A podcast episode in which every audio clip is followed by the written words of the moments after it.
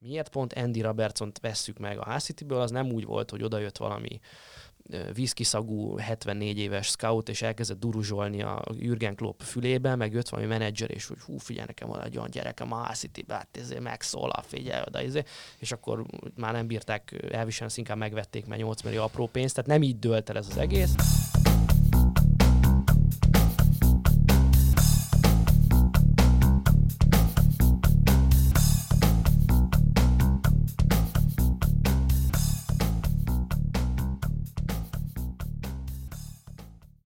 Sziasztok, ez itt a Zicser, a 24.hu focis podcastjén. Kele János vagyok, és mindenkinek nagyon boldog új évet kívánok. 2020-ban is csak azt ígéretem, hogy kapásból a létszará fogjuk lövöldözni az ittszereket.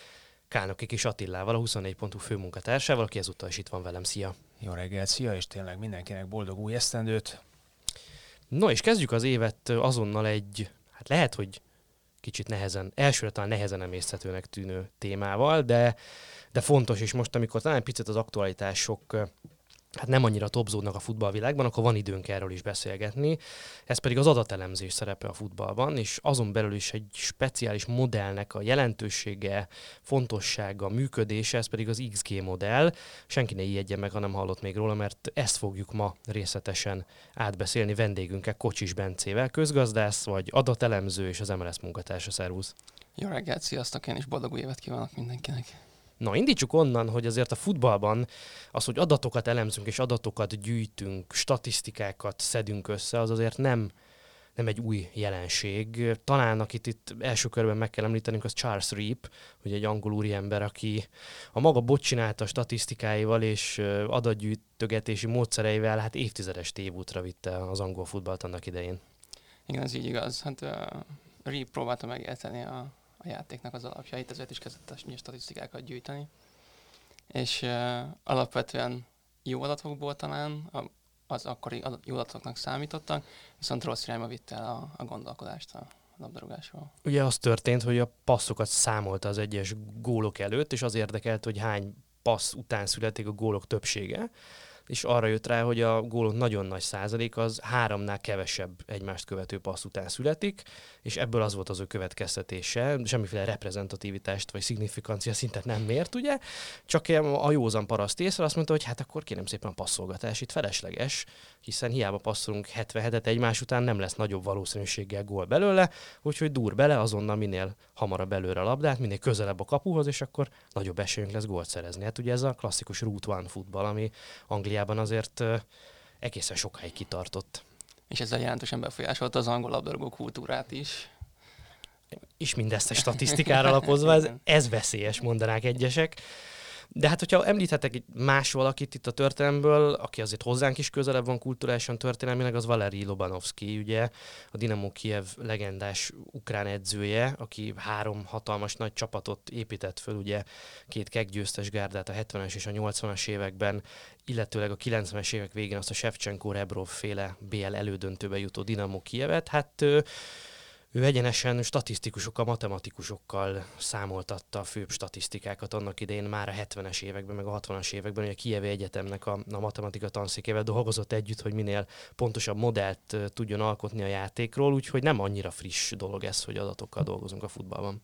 Hát az öreg az nagyon megelőzte a korát, ugye ezt, ezt mi most pillanatnyilag aktualitásában a Ferencvároson is tapasztaljuk, hogy a Fradi is talán kicsikét másképp áll a futballhoz, mint az összes többi magyar klub, sőt, jelentősen másképp áll a futballhoz, mint a, az összes többi magyar klub.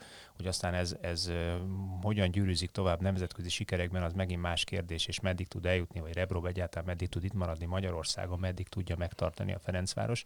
De az kétségtelen tény, hogy, hogy látszik az a fajta nyilván a modern eszközökkel, és nem a, a kievi matematika tanszék tanáraival, a modern eszközökkel, hogy Rebro abszolút támaszkodik a, a statisztikákra és a különböző mutatókra. Ja, Lobanovszkinak a nagy újítása talán abban volt, hogy ezeket az úgynevezett játékot leíró statisztikákat az egy dolog, hogy elkezdte gyűjteni, és itt gondolok olyanokra, mint hogy a rövid passzok számában mennyi volt előre, oldalra, hátra, közép, hosszú passzok, hosszú passzok, futás közben labdavezetés, fejjel passzolás, szerelés, megelőző szerelés, kapuralövés, ugye ezeket, hát gyakorlatilag ma is ezeket a statisztikákat böngészük mindenféle platformokon, hát ezt akkor még papírra, ceruzával gyűjtögették az ő stábtagjai a mérkőzések során. Tehát ez egy dolog, hogy ezekkel leírta egyes játékosoknak a teljesítményt, és meg tudta nekik mutatni másnap, hogy hát fiacskám, te csak ennyit csináltál és annyit csináltál, de hogy ezekhez kötött egy célszámot, és azt mondta, hogy adott poszton, adott szerepkörben neked, fiam, ennyit kell ebből csinálnod egy meccsen. Tehát kell csinálnod 60 sprintet egy mérkőzésen. Ha nem csináltál, akkor rosszul játszottál, és az össze volt gyűjtve, és hétfő edzésen vagy összetartáson ott volt kint a falon, és onnastól, onnastól kezdve nem volt ketmet. Ezt ugye ma úgy mondanánk, hogy evidence-based alapon gondolkozott a futballról. Tehát ugye, ami nagyon nehéz a mai világban is, hogy rengeteg benyomás és rengeteg érzékelés ér minket egy mérkőzés alatt, tehát rengeteg ingerencia ér bennünket, az alapján keletkeznek benyomásaink a játékról, de hogy nagyon fontos, hogy ezeket aztán átfuttassuk valamiféle tény és adatalapú rendszeren is, hogy ezekről megbizonyosodjunk, hogy valóban jól éreztük-e. Igen, ez ugye ez absz- abszolút így van. A, a pszichológia beszél különböző hatásokról, amik befolyásolják a, az érzékelésünket, ezeket különböző ö, kognitív hatásoknak írják le. Ezek közül például az egyik jellemző a lehorgonyzás hatás, hogyha valamit számunkra megmutatnak, akkor amellett leragadunk, és nem is tudunk attól elengedni. És ez abszolút jellemző a focira, és ebből, ezekből a hatásokból az adatok kimozdíthatnak minket. Attól függően egyébként, hogy ö, nagyon sokan beleesnek abba a hibába, hogy amit az adatok mondanak, az készténynek veszik, és ez abszolút nincs itt. Tehát nagyon fontos, hogy ha adatokkal foglalkozunk, akkor azokat is kontextusban kell értelmezni. Tehát az, hogyha mondjuk egy védő kifejel 10 labdát egy mérkőzésen, az lehet jó, de lehet rossz is. És nem mindegy, hogy mondjuk egy olyan csapatba fejeli ki a védő azt a 10 labdát, aki mondjuk az elején van a tabellának, vagy mondjuk a végén. És ezeket mind, mindig az adatokat kontextusba kell helyezni, ez nagyon fontos. Igen, vagy mennyit birtokolja az a csapat a labdát. Igen. Tehát nyilván egészen más egy 30%-os labdabirtoklású csapatban kifejelni tízszer és tisztázni, mert nyilván ez volt a fő feladatod, mint egy olyanban, ahol az lett volna feladatod, hogy elindítsd a támadásépítést hátulról és a passzjátékot. Amit talán még érdemes itt megemlíteni, és akkor ezzel elérkezünk a mába, ugye a Prozon, Opta és hasonló ö, adatgyűjtő, statisztikai cégek ö, mentén egészen szerintem itt a big data-ig juthatunk, ö, ahol ugye most már gyakorlatilag ö, nem csak adatgyűjtéssel keletkeznek az adatok a játékosokról, hanem, hanem megfigyeléssel, ugye ez a big data, ami ugye keletkezik az, hogy megfigyelünk valakit. Ennek a legjellemző példája talán az úgynevezett tracking data, amikor, amiből ugye megmondják, hogy mennyit futott a játékos, mennyi volt az intenzív mozgás, ebből mennyi volt a gyors irányváltás, stb. Ugye nagyon sok meccsen lehet most már látni a végén, hogy amikor leveszik a játékosok a mezüket, rajtuk van az úgynevezett katapult rendszer, ugye ezekre, ez a vára erősítető szerkezet, ez gyakorlatilag ezt szolgálja.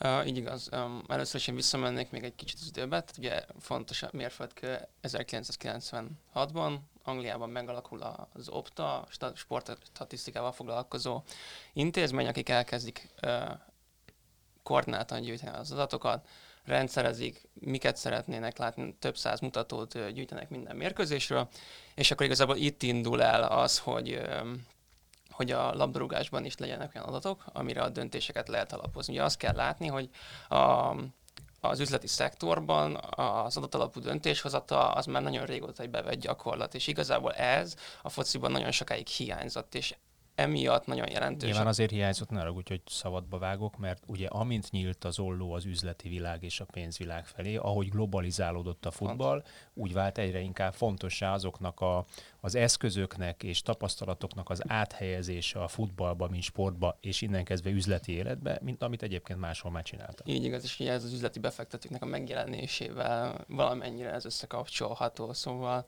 ugye 96-ban megalakul az Opta, és innentől kezdve jelennek meg egyre gyakrabban a statisztikák, amelyek először az ilyen... És felszerelik a stadionokat ugye a kamerákkal, a Prozon kameráival, ha jól tudom, Angliában azokat, azt vezették be azt a rendszert először. Igen, igen, igen, igen. És akkor ugye először jönnek az olyan statisztikák, mint például hogy hány kapra lövés volt egy mérkőzésen, vagy hány gól született, ezután jöttek mondjuk, hogy hány gólpassz volt, vagy hány csel, stb. Viszont ezek a statisztikai mutatók alapvetően érdekesek, tehát ugye ezeket látjuk manapság a mérkőzések alatt. Én ezeket közönségmutatóknak hívom. É, pontosan, viszont ezekből valós információt nem lehet leszűrni, és egyébként itt, itt folytatódott tovább az adatoknak a fejlődése, és így, így jöttek elő különböző ö, mutatók, ezeket az angol on the ball eventeknek hívja, tehát ugye ezek, amikor már olyan... Ö, azok, labdás esemény, bocsánat. Igen, labdás, labdás eseményeknek, igen, így igaz, ö, amikor ugye azt nézik, hogy ö, mi történik a labdával, például a megnyert párharcoknak a száma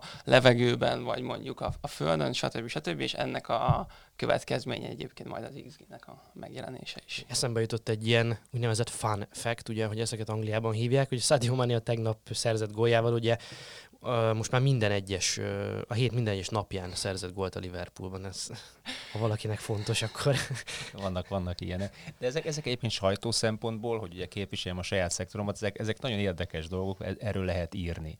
Ugye a, a, az XG, amíg eljutunk az XG-ig, vagy a labdarúgó statisztikai mutatóknak, ugye ahogy, ahogy gyűlnek és egyre szélesedik az egyre mélyebb adatokra tudunk szertenni, és egyre más szemszögből tudunk vizsgálni eseményeket, ezek nagy részt a szakmának fontosak, pontosan azért, hogy jobbá tudják tenni és kiszámíthatóbbá, vagy tervezhetőbbé tudják tenni az adott csapat, az egyén, és aztán azon, azon túl az adott csapatnak a játékát. De nekünk, nekünk, a média szakmunkásoknak, és egyébként a közönségnek nyilván ezek, ezek tök érdekes adatok. Szerintem mozduljunk el abba az irányba, hogy, hogy megkülönböztessük azt a kétfajta alapstatisztikát, ami picit e mentén, a törésvonal mentén is ketté osztódik, ugye vannak az alapvetően leíró típusú statisztikák, ugye amikor igazából bejött az a sajtóba, akkor ugye ment ez, hogy Sergio Busquets 97,2%-kal passzolt, azt hiszem a világbajnoki elődöntőben csinált olyat 2010-ben a németek ellen, hogy 50 passzából 50 ment jó helyre.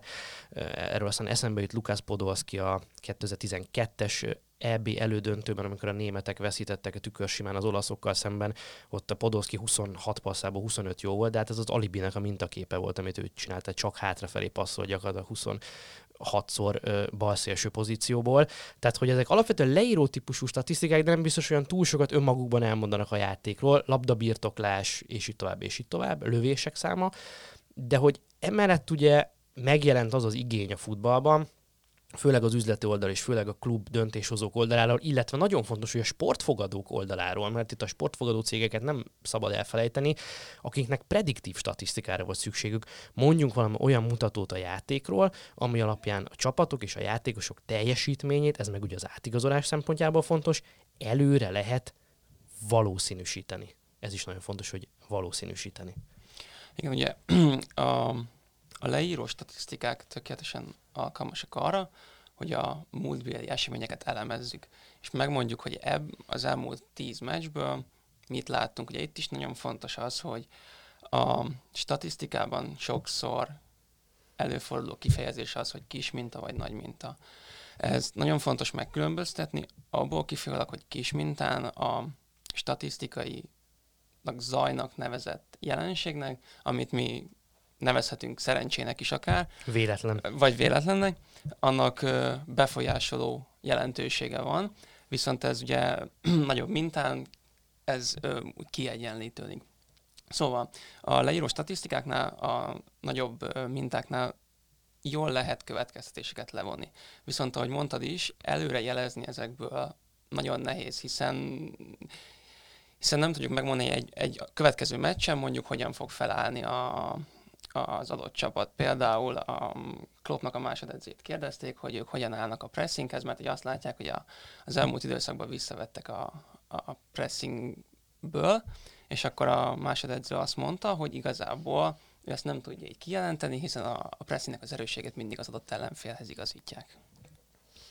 No, és akkor menjünk tovább szerintem abban az irányba, hogy itt most gondolkozunk, és térjünk rá valahol ennek a leíró és a prediktivitás határát megcélzó első ilyen statisztikai mutatóra, ami az úgynevezett TSR mutató volt, ami a lövések számából indult ki. Ugye egy James Grayson nevezetű statisztikus alkotta meg ezt a mutatót, TSR mutató a neve. Gyakorlatilag az a lényege matematika, hogy nagyon egyszerű, tehát mondom, egy alsó tagozatos matematika tudással ez még azért felfogható, hogy veszi azt a lövésszámot, amit egy csapat összesen egy adott mérkőzésen leadott az ellenfél kapujára, és ezt elosztja a a leadott lövéseik és a bekapott lövéseik összegével. Tehát mondjuk az Arsenal Manchester City meccsen mondjuk 6 lövése volt az Arsenalnak, 4 pedig a Citynek, akkor a, az Arsenal TSR mutatója az 6 osztva, 6 meg 4-jel, vagyis 0,6. Ugye ezen minden csapat mutatója 0 és 1 közé kerül. Minél közelebb vagy az egyhez, gyakorlatilag egyes mutató azt jelenti, hogy nem kaptál lövést egy adott mérkőzésen. Ugye itt az jött ki, hogyha megnézték ezt a mintát, és itt csak és kizárólag a lövések számáról beszélünk, ugye az jött ki, hogy egy Premier League mintán 2000 és 2012 között. Azt néztük, hogy soha nem esett ki olyan csapat a Premier League-ből, amelynek ez a TSR mutatója 0,52 volt legalább, tehát amelyik többet lőtt kapura, mint amennyit kapott, és akkor megfogalmaztam nagyon egyszerűen, az soha nem esett ki, és egyetlen egyszer fordult elő olyan, hogy olyan csapat jutott be a legjobb négy közé, tehát a bajnokok ligája selejtezős helyekre, amelynek 0,5 alatt volt ez a mutatója, tehát amelyik több lövést kapott, mint amennyit ő leadott. Ez a David Moyes Evertonja volt 2004-2005-ben, ezt nem kommentálnám hosszabban, de hogy az azért jól mutatja, hogy egy 12 éves vagy egy 12 szezonos mintáról van szó, nagyon erős korreláció mutatkozott a lövések, leadott és bekapott lövések aránya, illetve a teljesítmény között. Ahol ez kicsorbult az életen ez a mutató, hogy nem életszerű, hogy minden lövés ugyanannyit ér egy mérkőzésen. És itt jön be a képbe az XG, ami meg ehhez a TSR-hez képest azt tudja megmondani, hogy a különböző lövéseknek különböző minőségi értéke van, nem mindegy, hogy a félpályáról ívelek kapura, és nagyon sarkítok, vagy az ötös, a kapu torkából az ötösről üres kapura mondjuk egy úgynevezett tepint hajtok végre. Ez megint a, a nagy mennyiségű adat egy adott szintjén elemzésén utáni tovább gondolása, ugye, hogy mire van nekünk még szükségünk ezen túl, mert miért visz ez tovább minket. Egy halvány párhuzamot azért mindig engedjetek meg nekem, légy szíves a magyar labdarúgással amelyik talán ezekben a mutatókban egy kicsikét le van maradva, vagy nem követi úgy a világtrendet ezen a téren, ahogy szerintem kellene, holott egyébként itt ülünk Budapest belvárosában, a harmadik kerületben stúdióban, és erről beszélgetünk két olyan fiatal emberrel, én vagyok az outsider ebben, két olyan fiatal emberrel, akik ugye ezt mondjuk angol sajtóból szívják magukba, ezt a tudást, tehát abszolút elérhető tudásról beszélünk, miközben egyébként nálunk meg, meg, meg nem használják. De a kapura lövés szám, ugye egy sarkított kérdés, nincs is konkrét mutató szerintem a magyar labdarúgásban a kapura lövés számról, de az biztosan állíthatom, hogy nagyon kevés. Tehát a magyar csapatok valahogy nem jutnak el addig a szintig, hogy mondjuk még csak 6 per 4-es mutatókat is produkáljanak, nem beszélve 10-12 per, per 14-16-os mutatókig. Tehát nálunk valahogy a, a, a játék leragadta a, ahogy én szoktam mondani, inkább a birkózásnál, gyömöszölésnél, vagy ahogy Janek, te szoktad mondani, az emberezésnél. Őrületes szerencséd van, mert kiszámoltam az őszi nb szezonra az összes csapat TSR mutatóját, Annyit elárulok, majd ezt lehet, hogy külön cikkbe egyszer leírom, annyit elárulok, hogy az újpesti a legjobb 0,6-tal. Tehát az a példa, amit az előbb elmondtam, és 0,6-ra jött ki, az lehet, hogy az Újpest is az Arzenál helyett. No, de akkor beszéljünk magára az XG-ről, tehát hogyan lehet azt elérni, Bence, erre válaszolj légy szíves, hogy hogyan éri el ez a modell, azt azért hangsúlyozunk, hogy ez egy modell, hogy különböző minőségbeli számot, vagy minőséget kifejező kvantitatív értéket csatol egy-egy lövéshez, tehát hogyan lehet eldönteni egy-egy lövésről, hogy az most mennyire minőségi helyzet? Úgy kell elképzelni, hogy a, az Optának van egy nagy adatbázisa, abban nagyjából 2017-ben 300 ezer lövés volt benne, ugye ez azóta még tovább fejlődött, még tovább bővült az adatbázis, és erre az adatbázisra a, az adatelemzők egy logisztikus regressziós modellt eresztenek rá, ami igazából azt vizsgálja meg, hogy a, a múltban ugye úgy kell, úgy kell elképzelni az opta adatokat, hogy minden egyes eseményhez, ami a labdával történik, az egy XY koordinátát rendel a pályán, és az egész pálya egy ilyen XY koordináta rendszerként épül fel. Innentől kezdve meg tudják nézni, ezek alapján, a koordináták alapján, hogy melyik lövés honnan adták le, és hogy arról az adott pontról a múltban, a múltbeli adatok alapján milyen valószínűséggel született gól. És ez alapján számolnak minden egyes pálya pixelhez, pályaponthoz egy várható ö, valószínűséget, hogyha arra a pontról fogják leadni a lövést, akkor mekkora annak a valószínűsége, hogy a gól fog születni. Ö, alapvetően innen, innen indult a modell. Tehát egy két-három évvel ezelőtt itt tartottunk, hogy megnézték, hogy a múltban ott volt az a pont a pályán, és akkor ha leadták a lövést, akkor mi történik. Viszont az elmúlt pár évben, és ez nagyon fontos kijelenteni, ez a modell rengeteget fejlődött. Tehát, hogy azért fogalmazunk úgy, hogy az ott ülő adatelemzők sem ülnek a babérjaikon, folyamatosan fejlesztik a modellt, bővítik különböző attribútumokkal, és például az optánál is most már beleszámolják azt, hogy mondjuk a labda és a kapu között hány védő helyezkedik el, a elrugó játékost ö, körül hány ö, védő található mondjuk két méteres körben, akkor a, a labda és a, a két kapufa között mekkora a bezárt szög, ugye minél nagyobb a szög, annál közelebb van a kapuhoz, annál nagyobb valószínűséget rendelnek, stb. stb. Tehát fontosan fejlesztik a modellt, és így egyre pontosabb és pontosabb ö, XG-t, XG mutatót tudunk kapni. Mondok egy konkrét példát talán sokan a hallgatók közül is emlékeznek, vagy ha nem emlékeznek, akkor látták azóta. Marco van Bastennek az 1988-as Európa-bajnokság döntőjében a szovjetek ellen szerzett bődületes balos kapás gólját, tehát az minden idők egyik gólya ez 0,02-es XG, tehát ö, minden 50. lövésből lőne onnan gólt Marco van Basten. Valószínűleg az egyik éppen egy EB döntőre esett, éppen Lobanovski szovjet válogatottját verték meg akkor a hollandok ugye ezzel a találattal. De mondhatjuk Détárinak a lengyelek ellen lőtt gólját is, aminek nem tudom mi volt az XG-je, de hogy az körülbelül minden századik vagy, vagy ezredik esetben fordul el, az is biztos. Ugye nagyon érdekes, amiket említettél, ez mind így van vannak különböző XG modellek, ahol a 11-es például kiveszik, és úgy jelenik meg egy-egy csapat teljesítmény, hogy csináltak egy meccsen, mint a 1,2 XG-nyi helyzetet, ugye? Ez ugye úgy jön ki, hogy ugye kumulálják a helyzeteket, mert nagyon nem mindegy, hogy ez az 1,2 XG-nyi mutató az 30 lövésből jön össze, vagy 5-ből, mert akkor az az, az 5 az nagyon nagy helyzet volt, meg 30-szor lőttek a kígyótérről, és az is ugye kumulálódva lehet egy magasabb szám, ez ugye részletkérdés de hogy a 11-eseket is akkor pluszba hozzáérják, hogy 1,2 XG, plusz volt még egy büntetőjük, és az hogy azért érdekes, mert nyilván egy büntetőnek egész más az XG-je, és ugye ezt is megnéztem, hogy a Premier League érában 2018-ig, tehát az idei szezon, vagy a igen, az idei szezon mutatói még nincsenek benne. Ugye az 1079 büntetőből 876 lett gól, ami ugye 76,8 százalék, tehát ebből ugye a Premier League-ben azt nézzük, hogy egy büntető az 0,76 XG gyakorlatilag. Van mondom, ahol ezt beleadják, beleszámolják, a mutatóban van, ahol külön pluszba ugye kiírják, hogy, hogy, hogy plusz egy büntető is volt. De ugye arról is beszéltünk talán, hogy mennyire más, vagy azt is súlyozzák most már a legújabb modellek, hogy, hogy kontrajátékból születik ugye az adott helyzet, vagy sima akcióból, pontrugás után, szöglet után, szabadrugás után, mert egészen más valószínűségek jönnek ugye ki, és megint nagyon nagy mintán nézem, tehát kontrajátékból ugye az összes lövés, ezek szintén Premier League mutatók, tehát a kontrajátékból a helyzetek 14,8%-ából jön gól a végén, amit említettél, nagyobb az, hogy kevesebb védő van, nyilván mozgásba hátrafele védekezni nehezebb, és így tovább, és így tovább. Ha az összes akciógolt nézzük, annak meg 8,26% csak a, a valószínűség egy lövésből gól lesz. Hát itt azért ez, ez egy elég durva különbség, tehát mindjárt látszik, hogy egy modellben ezt valahogyan be kell építeni és súlyozni kell. És az is látszik, ugye, hogy a modern futball miért törekszik második szándékű játékra ellenfél kikényszerített hibájára, ugye miért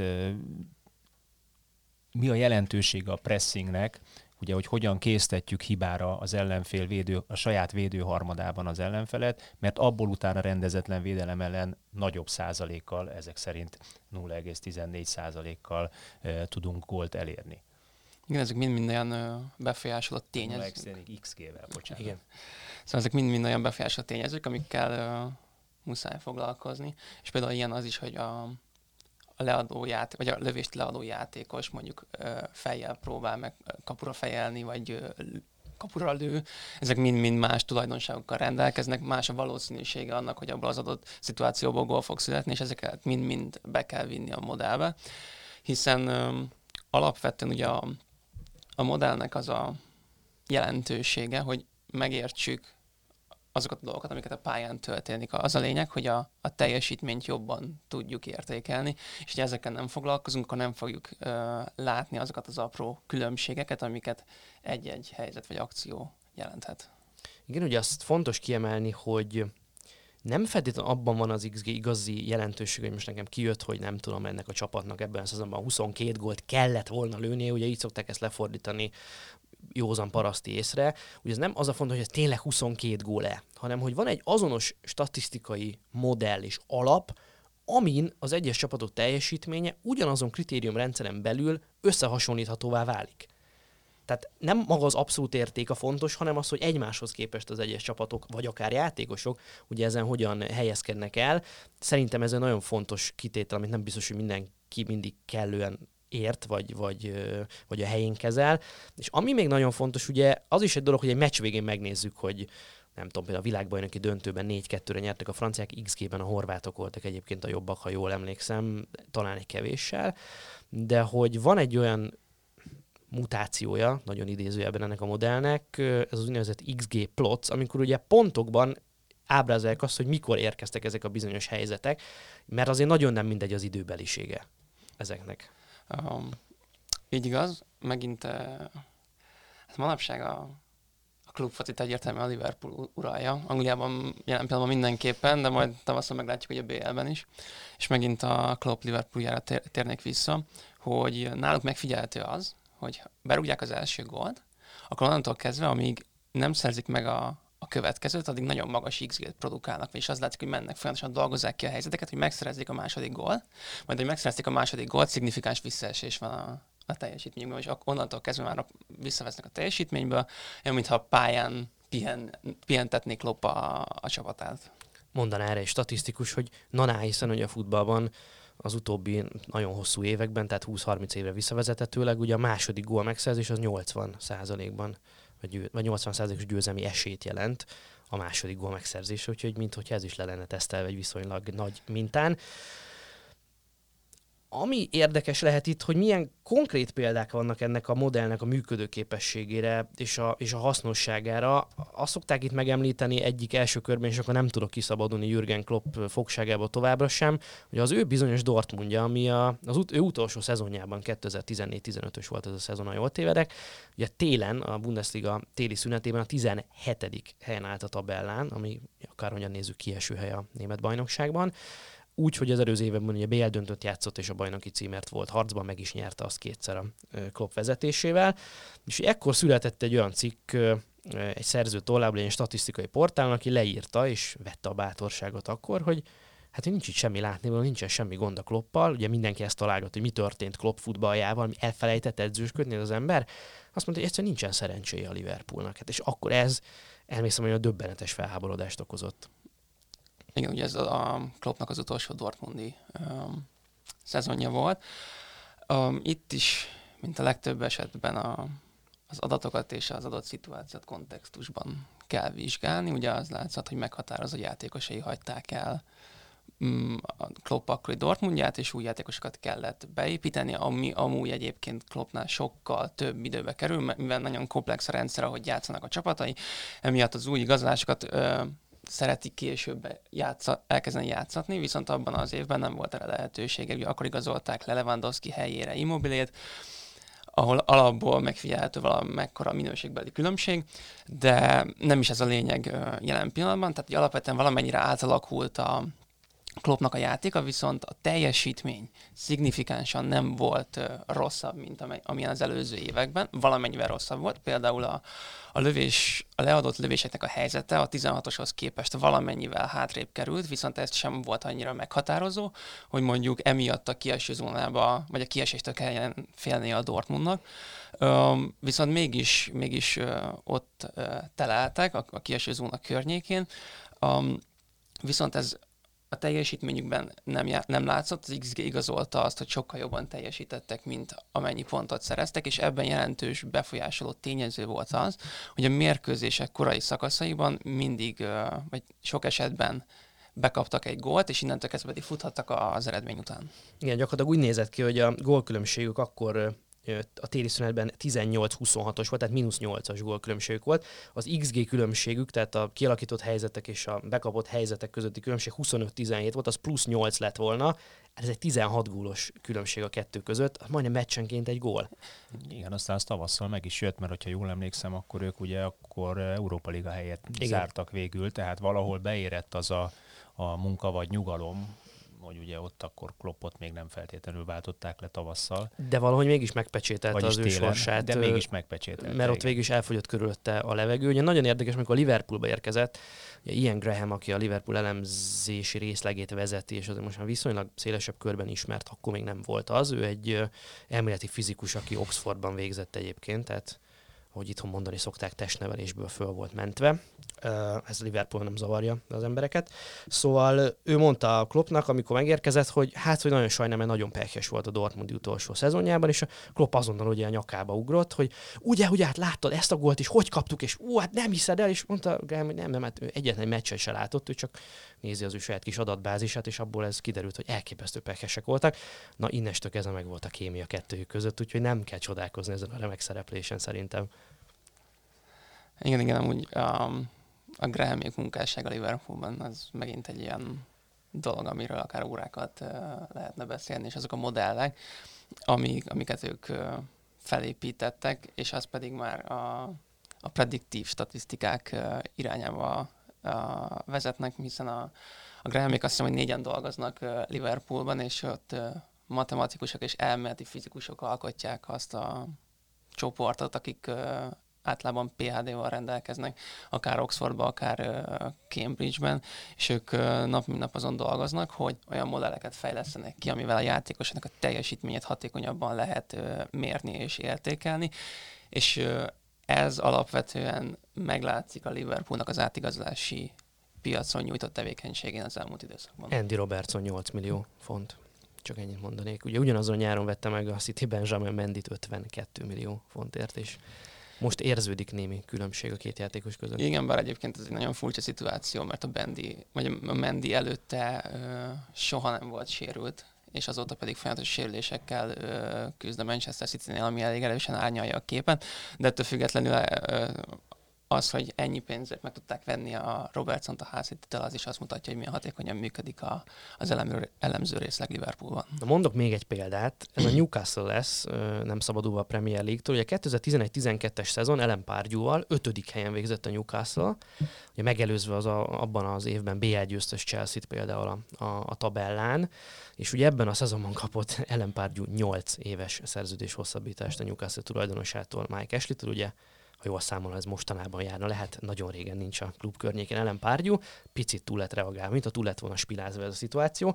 Na azt kell megnézni, hogy a, az előttük végző csapatoknak milyen volt a gólkülönbség abban a szezonban. Ugye a bajnok Manchester City plusz 64-es gólkülönbség, ugye ezzel a gólkülönbséggel előzték meg végül a United-et, ugye ők nekik plusz 56-os volt a gólkülönbségük, az Arsenal lett a harmadik, akkor plusz 25-ös gólkülönbséggel, a Spurs szintén plusz 25-ös gólkülönbséggel, és jön az ötödik helyen a Newcastle, plusz 5-ös gólkülönbséggel. A mögöttük végző chelsea is volt plusz 19-es. Ez már azért jelez valamit, hogy itt valami nem frankó. Ez, ahogy te mondtad, ez valami fehér zaj gyakorlatilag. Um, így igaz, és akkor itt megint visszatérünk oda, hogy a, az nagyon szuper dolog, hogy vannak adataink, de hogyha ezek adatokat nem tudjuk elemezni és nem tudjuk értelmezni, akkor az jelentősen befolyásolja a döntéseket, még a legmagasabb szinten is. És akkor talán a Mike Ashley elé oda teszik mondjuk az XG mutatókat, és látszott volna az, hogy a legtöbb meccsen a, abban a szezonban Newcastle United a szerencsének a jó oldalára került, akkor lehet, hogy a pár gyulaj nem tesznek egy ilyen hosszú távú szerződést, nem mondjuk csak egy két évvel meghosszabbítják a szerződését, és megvárják, hogy mi lesz a, a kimenetel. Igen, ugye az expected goals-ból, ebből bizonyos XG-ből lehet ugye expected points-ot is számítani, az alapján, hogy az XG alapján az egyes meccseken hogy teljesített volna a csapat, tehát ha többet rugott, mint az, vagy több XG volt, mint az ellenfélnek, akkor nyer, ha kevesebb, akkor ugye veszít, és ha bizonyos mm, szűk határon belül van, akkor ugye X-nek húzzák be ezen a, ebben a bizonyos modellben a, a meccseket. No, hogyha ezt az expected points mutatót nézzük, akkor ebben a szezonban a, a Newcastle 46 ilyen XP-t termelt, és ugye valóságban 65 pontja lett.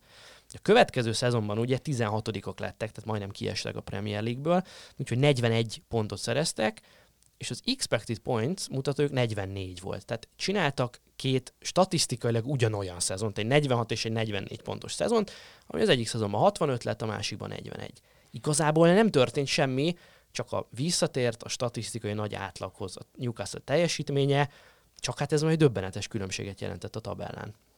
Igen, igen, az elkép, elképesztett különbség tényleg. Tehát hogy egyértelmű, hogy az egyik szezonban valahogy úgy kijött a, a lépés a, a Newcastle Unitednek, hogy, hogy um, hogy a tabella első felében végeztek, a következőben pedig nem. Most ez más kérdés, ugye a, a vezetőnek ilyenkor el kell tudni dönteni, hogy akkor mi a, mi a realitás, mit várok el a csapattól, és megbízok annyira az edzőbe, hogy a helyén hagyom, hát a következő szezonban is majd úgy fel teljesíteni, mint az előzőben. Ugye ebben a szezonban történt a newcastle az, hogy uh, az őszi szezonban ugye Dembaba rugdosta a gólokat, mint, úgy, mintha nem lenne holnap, ugye őt aztán később el is vitte a Chelsea, és ugye januárban pedig megszerezték a Freiburgból Papis Dembasissét, aki aztán ugye 14 meccsen 13 gólt szerzett a, a tavaszi meccseken, de gyakorlatilag átvette Dembabának a teljesítményét. Ugye mikor a Dembaba teljesítmény visszaesett valahol a, a valahol a statisztikai átlag, azok jött egy másik játékos, aki szintén elkezdte őrült módon túllőni ezt az XG-t. Ez azért nagyon fontos, mert itt áttérhetünk az egyes játékosokra, ugye, hogy van ez a bizonyos én szerintem téves, vagy a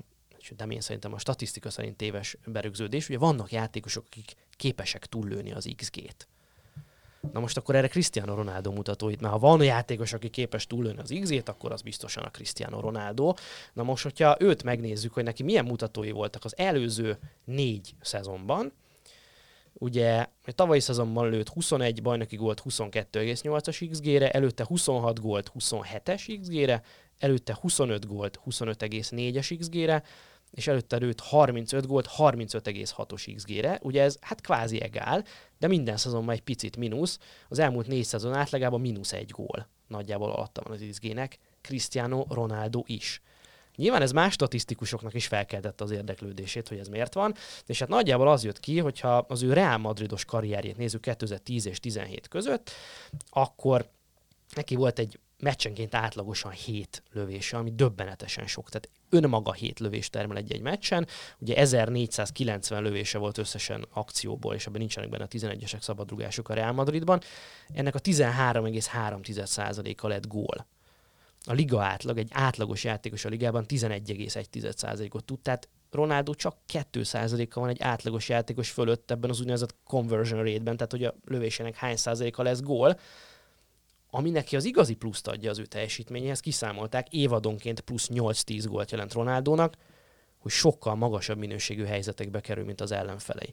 Olyan helyzetekbe kerül, ahonnan jobb esélye van gólt szerezni. Ez az ő nagyon nagy tehetsége, meg az, hogy sokkal több lövést vállal el, mint, mint egy átlagos játékos. Tehát nem, nem a helyzet kihasználása átlagon felüli, hanem a helyzetbe kerülése és a helyzet vállalási készsége az, ami kiemelkedő. Igen, ugye itt a az a fontos megint, hogy az adatokat kontextusban elemezzük, és ide már sok hagyjára visszatérek. Ha az egy dolog, hogy megnézzük, hogy mondjuk egy játékosnak mennyi a várható gólja, mondjuk egy mérkőzésre vetítve. Viszont, hogyha valaki 10 percet játszott, az nem ugyanannyi, mint hogyha valaki 90 percet játszik.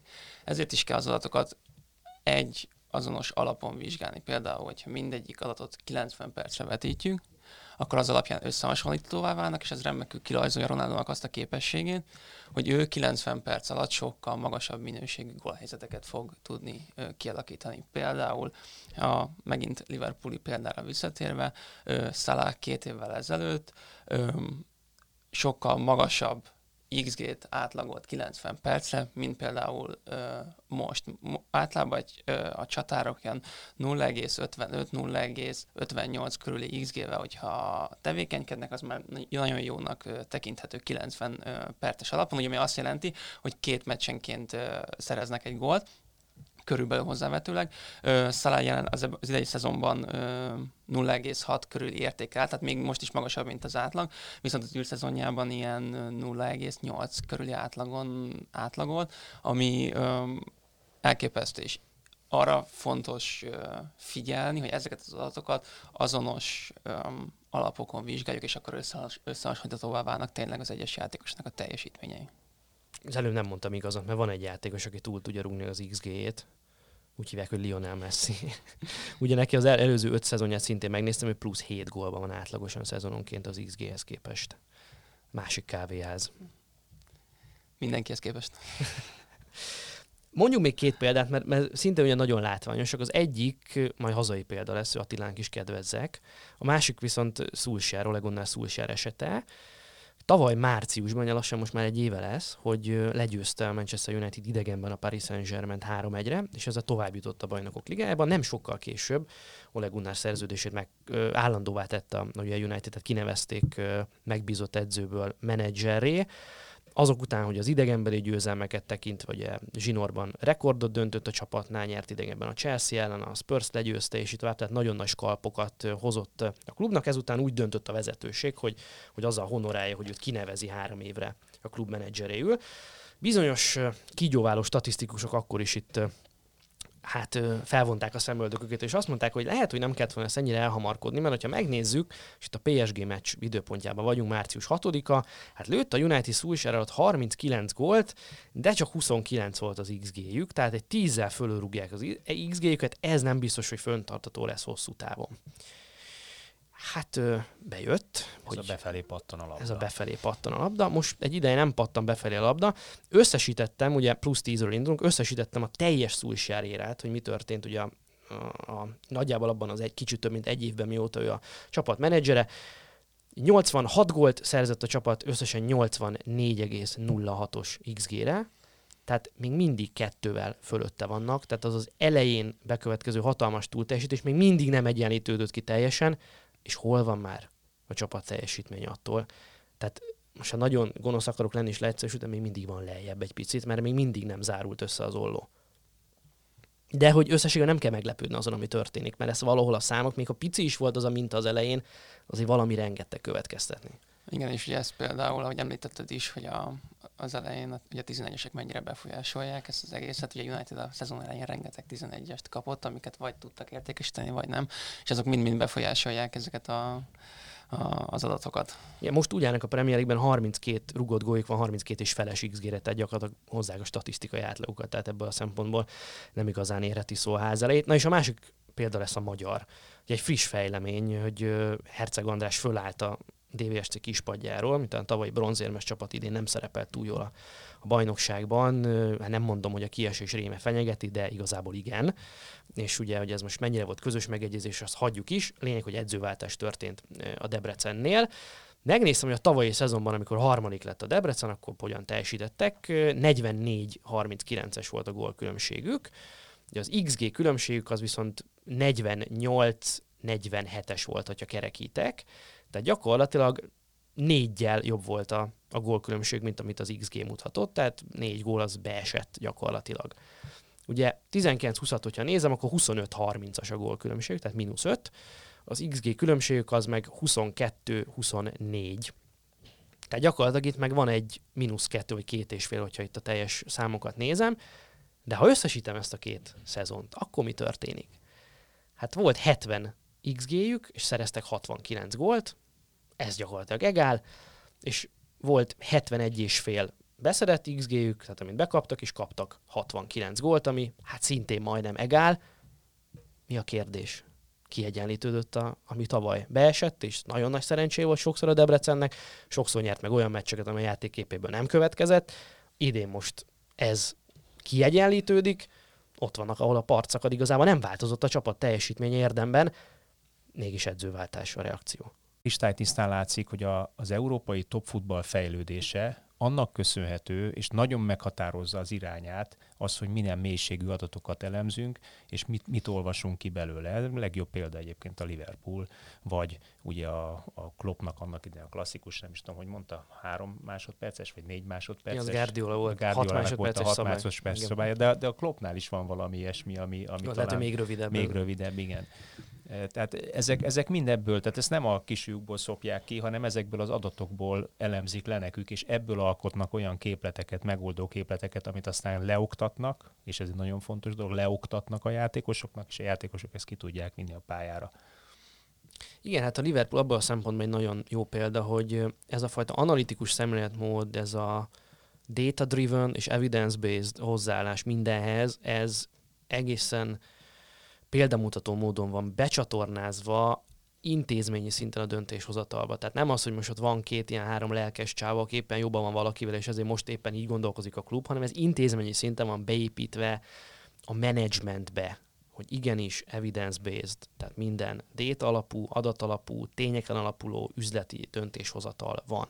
Miért pont Andy Robertson-t vesszük meg a City-ből, az nem úgy volt, hogy odajött valami viszkiszagú 74 éves scout, és elkezdett duruzsolni a Jürgen Klopp fülébe, meg jött valami menedzser, és hogy hú, figyelj, nekem van egy olyan gyerekem a city hát ezért megszólal, figyelj oda, ezért. és akkor már nem bírták elviselni, azt inkább megvették, mert 8 millió apró pénzt, tehát nem így dölt el ez az egész, hanem valamiért nem tudom hány száz játékos közül ő rá bökött a rendszer, és őt szúrta ki az egyik elemző adatalapon, és ez nagyon-nagyon nem mindegy, és hogy utána ebben a döntéshozat, tehát a sportigazgatóban, az edzőben, a vezetőségben erre van nyitottság, hogy azt mondják, hogy hát ne viccelj, már 82 gólt kaptak, hát nehogy onnan vegyük már meg a bal hátvédet, hanem, Biza- azt, hanem a bíznak benne, iránt. bíznak benne, mert tudják, hogy nem véletlenül ott valaki az elméleti fizikus diplomájával. De ez, ez, ez megint csak egy gondolkodás beli különbség. Tehát, hogy az adott klub mire költi a költségvetésének az x százalékát. Vesz egy újabb icset, picset, csicset, adott esetben kispadra, vagy ide-oda-oda, vagy pedig alkalmaz négy olyan fiatalembert, szerintem Csicsnek a bérének körülbelül a felér mind a négyet, vagy mondjuk Csicsnek a bérére alkalmaz négy ilyen fiatalembert, aki egyébként olyan adatelemzéssel tud szolgálni, amiből épülni tud rövid, közép, de hosszú távon mindenképpen az adott klub. Ehhez képest jó esetben egy darab videóelemzőt alkalmaznak a magyar klubok. Jó esetben. Igen, két dolgot szeretnék először hozzáfűzni, azért a, a Liverpoolnál megvan az adatalapú ö, kiválasztás, viszont ezt minden esetben a scoutok is alátámasztják. Tehát egyértelműen több körös Kell a szem is, kiválasztási kétségtelen. folyamat van. A, És a, aztán, bocsáss, ne felejtsd, el, még a végén ugye a személyiség. Ami nagyon fontos, ami egyre fontosabb az Karakter, hogy hogyan tud beépíteni, De egy, hát egy valahogy- oda tud illeszkedni egy adott csapatba, egy adott klubba. De hát, a piacon te pályázó egy álláson nem ugyanígy történik? Megnézik a szívidet, megnézik az eddigi munkádat, Aztán van egy elbeszélgetés Van az egy- utolsó igen, hárommal, akit pontosan, kiválasztott. Pontosan. Pontosan erről van szó. Melyik szimpatikus a főnöknek. E, még egy, és egy másik dolog az, hogy ugye, ugye Liverpoolt áthatja ez a szemléletmód. Ez így igaz, és ez a legfelső szintre jön. Tehát ugye Liverpool tulajdonosa az a John Henry, aki amúgy a, a vagyonát gabonakereskedelemmel ö, alapozta meg, korábban az USA-ban, és amúgy lelkes baseball rajongó volt, és hozzá köthető ugye a Boston Red Sox-nak a sikersztoria, az úgynevezett Moneyball. Egyébként ugye azt nem a, a John Henry először a Billy Bean-nel akarta végrehajtani, Bean nem vállalta el, és akkor emiatt utána kerestek. Erről, mintha készült volna egy hollywoodi film is Brad Pitt főszereplésével. Így- rémlik. Így igaz, igen, de csak ugye a végén szerepel benne a, a John Henry, de utána végül is elhozta a várva várt ö, sikert Bostonba, és megnyerték a World Series-t nagyon hosszú idő után, és remélhetőleg az idén bekövetkezik a Liverpoolban is. No hát és remélhetőleg mi is tudtunk most egy picit tudást és kultúrát teremteni. Nagyon fontos, hogy akinek fölkeltettük az érdeklődését, az olvasson utána, és azt gondolom, hogy itt az internet ebből a szempontból megint csak végtelen tárház, mert azért az XG-ről nagyon-nagyon sok mindent meg lehet találni. Azt gondolom, hogy most már magyar nyelven is egyre több mindent, de hát főleg angolul, és és azt gondolom, hogy tényleg mindenki ebből a szempontból lehet picit a maga szerencsének a kovácsa. Ha többet szeretne érteni a játékból, ha esetleg sikeresebben szeretne sport fogadni, akkor mindenképp érdemes ezekben az úgynevezett advanced statisztikai mutatókban elmélyednie, és azt gondolom, hogy nekünk itt médiumként, sportmédia szereplőként az lehet a feladatunk, hogy, hogy ezt a fajta kultúrateremtést elvégezzük valamilyen módon. Ha alulról jöve, akkor alulról jöve, beszéljünk arról, ami, ami fontos és meghatározza a világfutballt. Én köszönöm, hogy ebben most a segítségünkre, vagy segítségünkre voltatok. Bence, neked külön, hogy eljöttél. A hallgatóknak pedig csak azt tudom mondani, hogy tartsanak velünk a jövő héten is, mert jövünk újabb érdekes témákkal. Sziasztok! Sziasztok! Köszönöm, sziasztok!